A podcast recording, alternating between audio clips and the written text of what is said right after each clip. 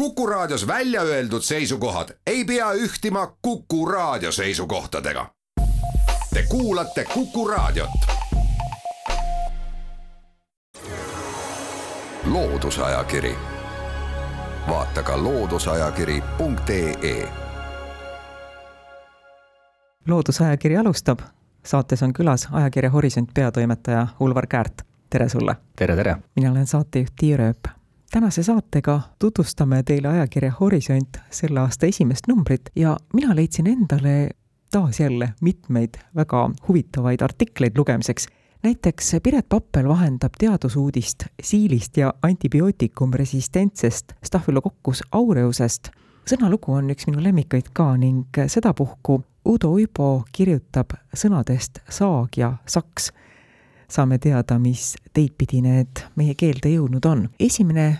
pikem kirjutis Horisondi värskes numbris on Ülar Allaselt. Ülar kirjutab krüptorahast Maailm krüptoraha kütkes, on ta artiklile pealkirjaks pannud ja Ülar keskendub Bitcoinile, kuid ähm, tõdeb sedagi, et Bitcoin ei olnud sugugi mitte esimene elektrooniline rahasüsteem. saame teada sedagi, et praeguseks on olemas juba üle kuueteist tuhande krüptoraha liigi. jah, tegelikult Bitcoin on nendest lihtsalt üks kõige kuulsamaid, märgilisemaid, millest me absoluutselt iga päev praktiliselt kuulame jälle. kui keegi kuskil teeb mingisuguse tehingu või, või kas krüpto või selle Bitcoini kurss langeb järsku kellegi tähtsa mehe sõnavõtu peale või, või hoopis vastupidi, sööstab jälle kosmilistesse kõrgustesse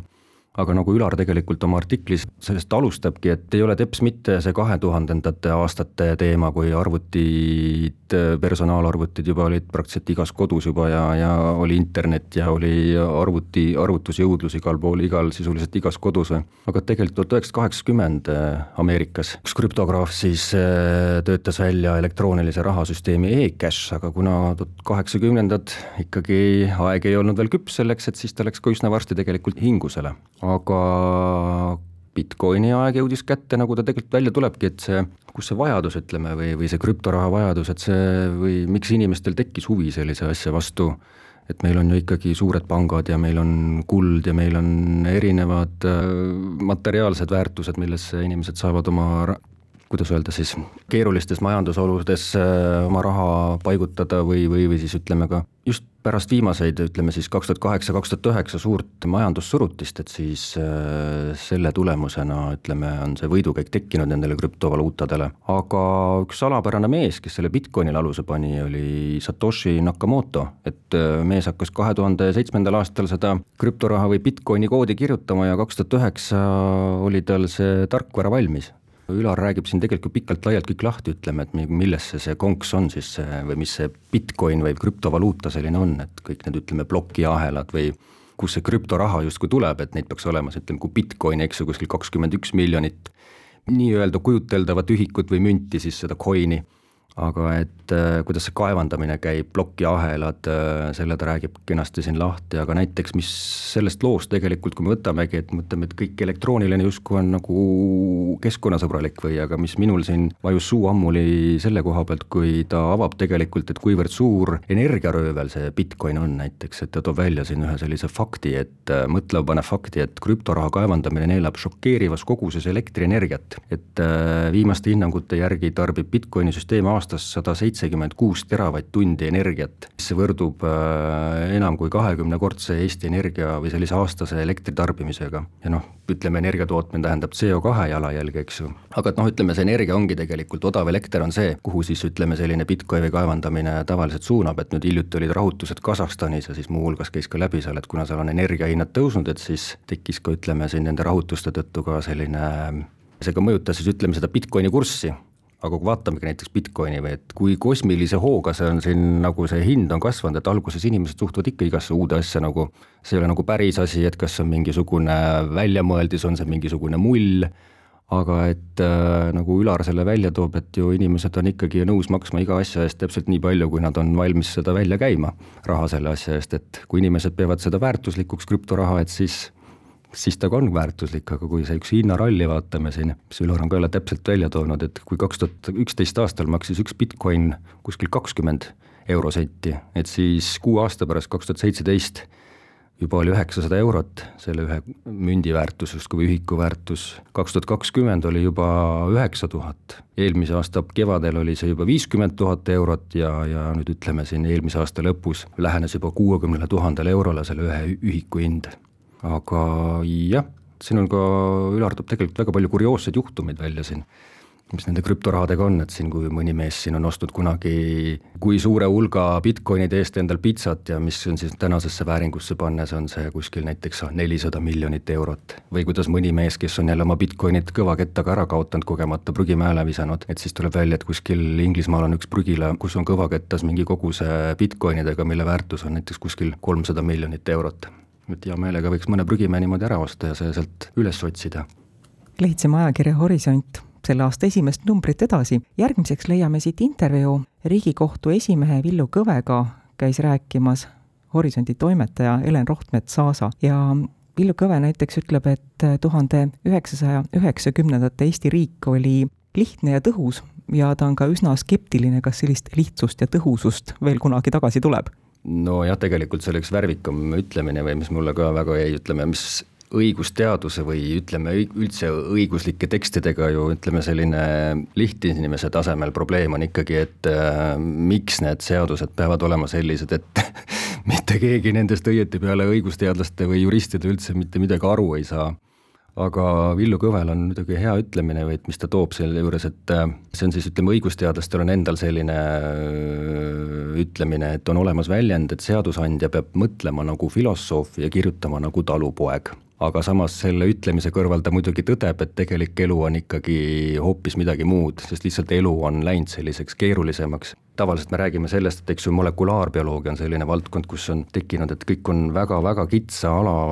eksperdid, sisuliselt ongi, et kaks molekulaarbioloogi, kes tegeleb mõne pisikese tükikesega ühest rakust näiteks, tihtilugu ei saa aru üksteisest, et mida nad siis mida nad siis, kumbki siis uurivad või, või mida keegi üritab kellelegi selgitada, aga et noh, õigus, õiguspildis on sama asi, et tegelikult on tekkinud selline spetsialiseerumine. ja, ja muidugi ega tema see prognoos on ka see, et ega see asi ei lähe paremaks, et kuigi meil näiteks ka ühiskonnas, ütleme Eestis on õiguskantsler Ülle Madise seisab selle eest hea, et õiguskeel oleks äh, ilus ja arusaadav ja selge ja lihtne, aga et tegelikult nagu Villu Kõve tõdeb, et see asi läheb ajaga ilmselt ainult hullemaks me teeme ajakirja Horisont tutvustamisse väikese pausi, aga õige pea oleme eetris tagasi.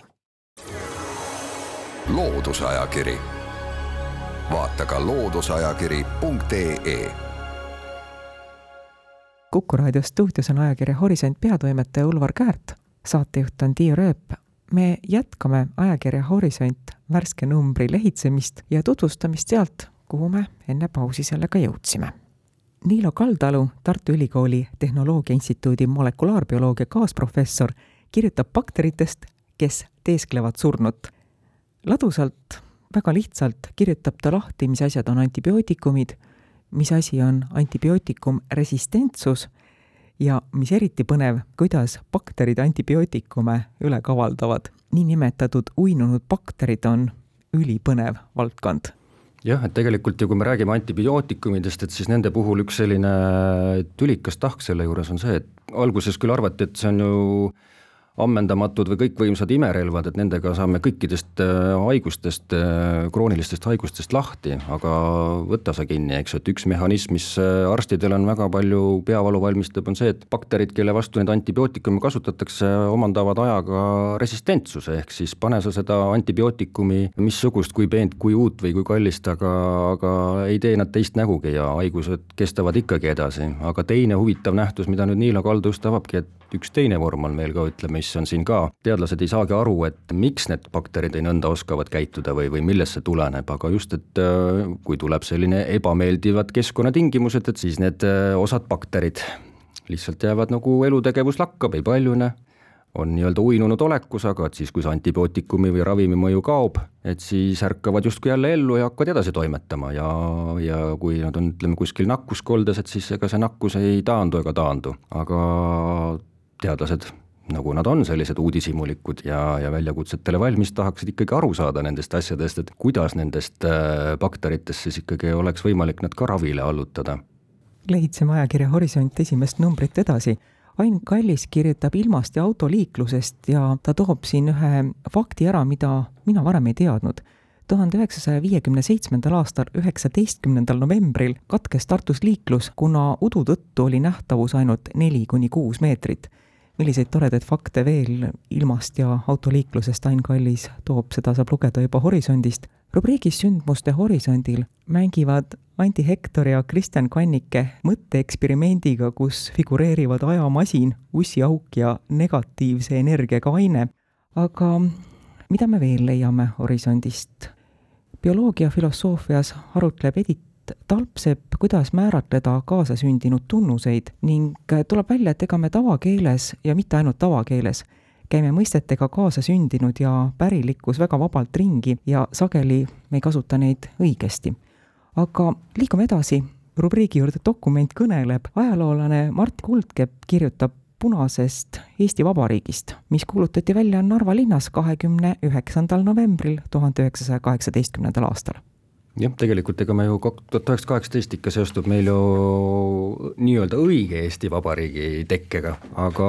nagu ajalugu näitab, on ka selline vähem teada või vähem kuulus episood, et äh, samal ajal, kui oli see õige Eesti Vabariik, et siis samal ajal seoses Vene vägede sissetungiga Eesti aladele oli siis ka ütleme, selline punane Eesti Vabariik ehk Eesti töörahva kommuun. Ja, ja Mart Kuldkepp tegelikult vaatabki siin ühte dokumenti, et täpselt nii, nagu iga õige riik endale otsib tunnustust, eks ju, naabritelt või teistelt riikidelt, et nii nii otsis ka see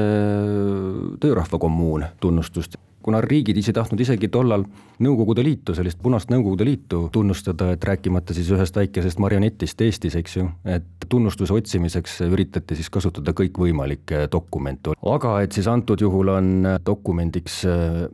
üks selline, kuidas öelda, mingi justkui suvaline Eesti büroo Pariisis, kes on tunnustanud, aga et tegemist ei ole päris sellise, kõik on ikkagi punase stsenaariumi järgi ikkagi sündinud asutusega, keskne kuju oli selles Aleksander Keskküla, kes siis on ka siis ütleme, väga värvikas tegelane selle Eestimaa kommuuni puhul siin olnud või üks keskne tegelane. Jah, mitte iga revolutsionäär ei ole Jaan Tõnissoni duellile kutsunud, aga Aleksander Keskküla sai sellega hakkama tuhande üheksasaja neljandal aastal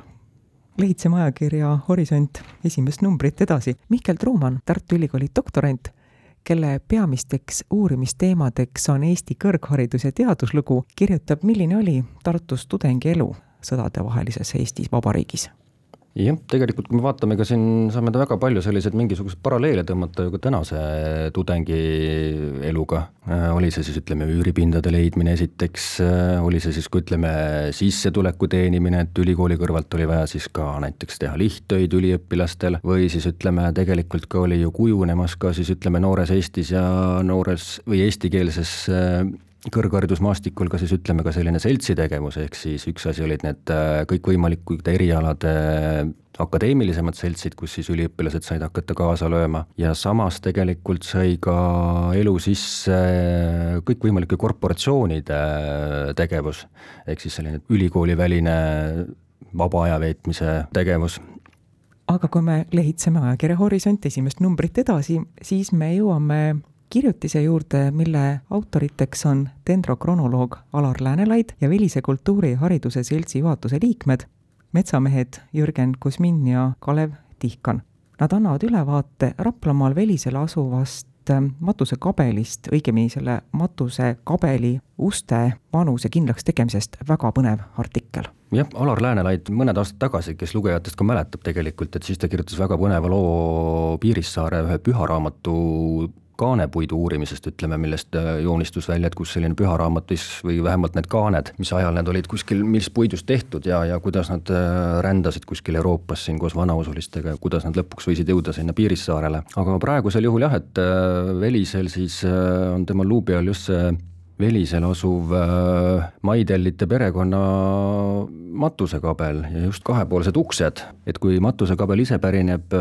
tuhande kaheksasaja kaheksakümnendatest aastatest, et siis äh, kunstiasjatundjad hakkasid vaatama, et need puituksed, sellised hästi rohkete puitnikerdustega, tammepuust dekoratsioonidega, kõikvõimalike vappidega, et vaatasid, et tegemist on ikkagi oluliselt vanemate ustega, ilmselt siis renessansi ajastust, ehk siis kuueteistkümnendast sajandist või seitsmeteistkümnenda sajandi algusest äh, pärit äh,, algselt pärit ustega. aga mida siis dendrokronoloog ehk siis Alar Läänelaid teeb, eks ju, mille peale tema Mihkel on, et ta hakkas uurima siis nende uste männipuust laudasid, et vaatas nende aastarõngaid. Ja, ja nagu siin ta seda kõike ta kirjeldab, eks ju, et et kui need äh, laudade ristlõiked ja aastarõngad kõik siis kokku pandi, et siis saadi selline üks aastarõngaste rida ja seda siis ütleme, neid aastarõngaste ridasid võrrelda siis sellise väga erilise arvutiprogrammiga, mis on tänapäeval ka kõik tööd, eks ju, lihtsustab. Äh, ja siis selle dendrokronoloogilise uurimise põhjal selguski, et see kabeliukse aastarõnga laiuste rida on kõige sarnasem mitme Eesti, Rootsi ja Soome männi kronoloogiaga ja et siis kõige vanem aastarõngas on pärit või viimane aastarõngas on kasvanud tuhande viiesaja kahekümne neljandal aastal siit siis ta tuleneb ka see, et tõenäoliselt on uks tehtud kas Rootsis või Eestis kasvanud mändide puidust, uks nendest ilmselt meisterdati kuskil tuhande viiesaja kolmekümne viienda aasta paiku. kui kunstiasjatundjad nagu hindasid nende nikerduste järgi, et äh, see kuskil kuueteistkümnenda sajandi lõpust, et siis tegelikult tuleb välja, et ütleme uuringu põhjal, et äh, see on kuskil pool sajandit varem isegi on need uksed arvatust vanemad. Kaugeltki mitte kõigest millest saab lugeda ajakirja Horisont selle aasta esimesest numbrist me rääkida ei jõudnud, mõnest asjast siiski rääkisime. aitäh, Horisondi peatoimetaja Ulvar Käärt külla tulemast! aitäh! aitäh kõigile kuulajatele, jälle kuulmiseni! loodusajakiri, vaata ka looduseajakiri.ee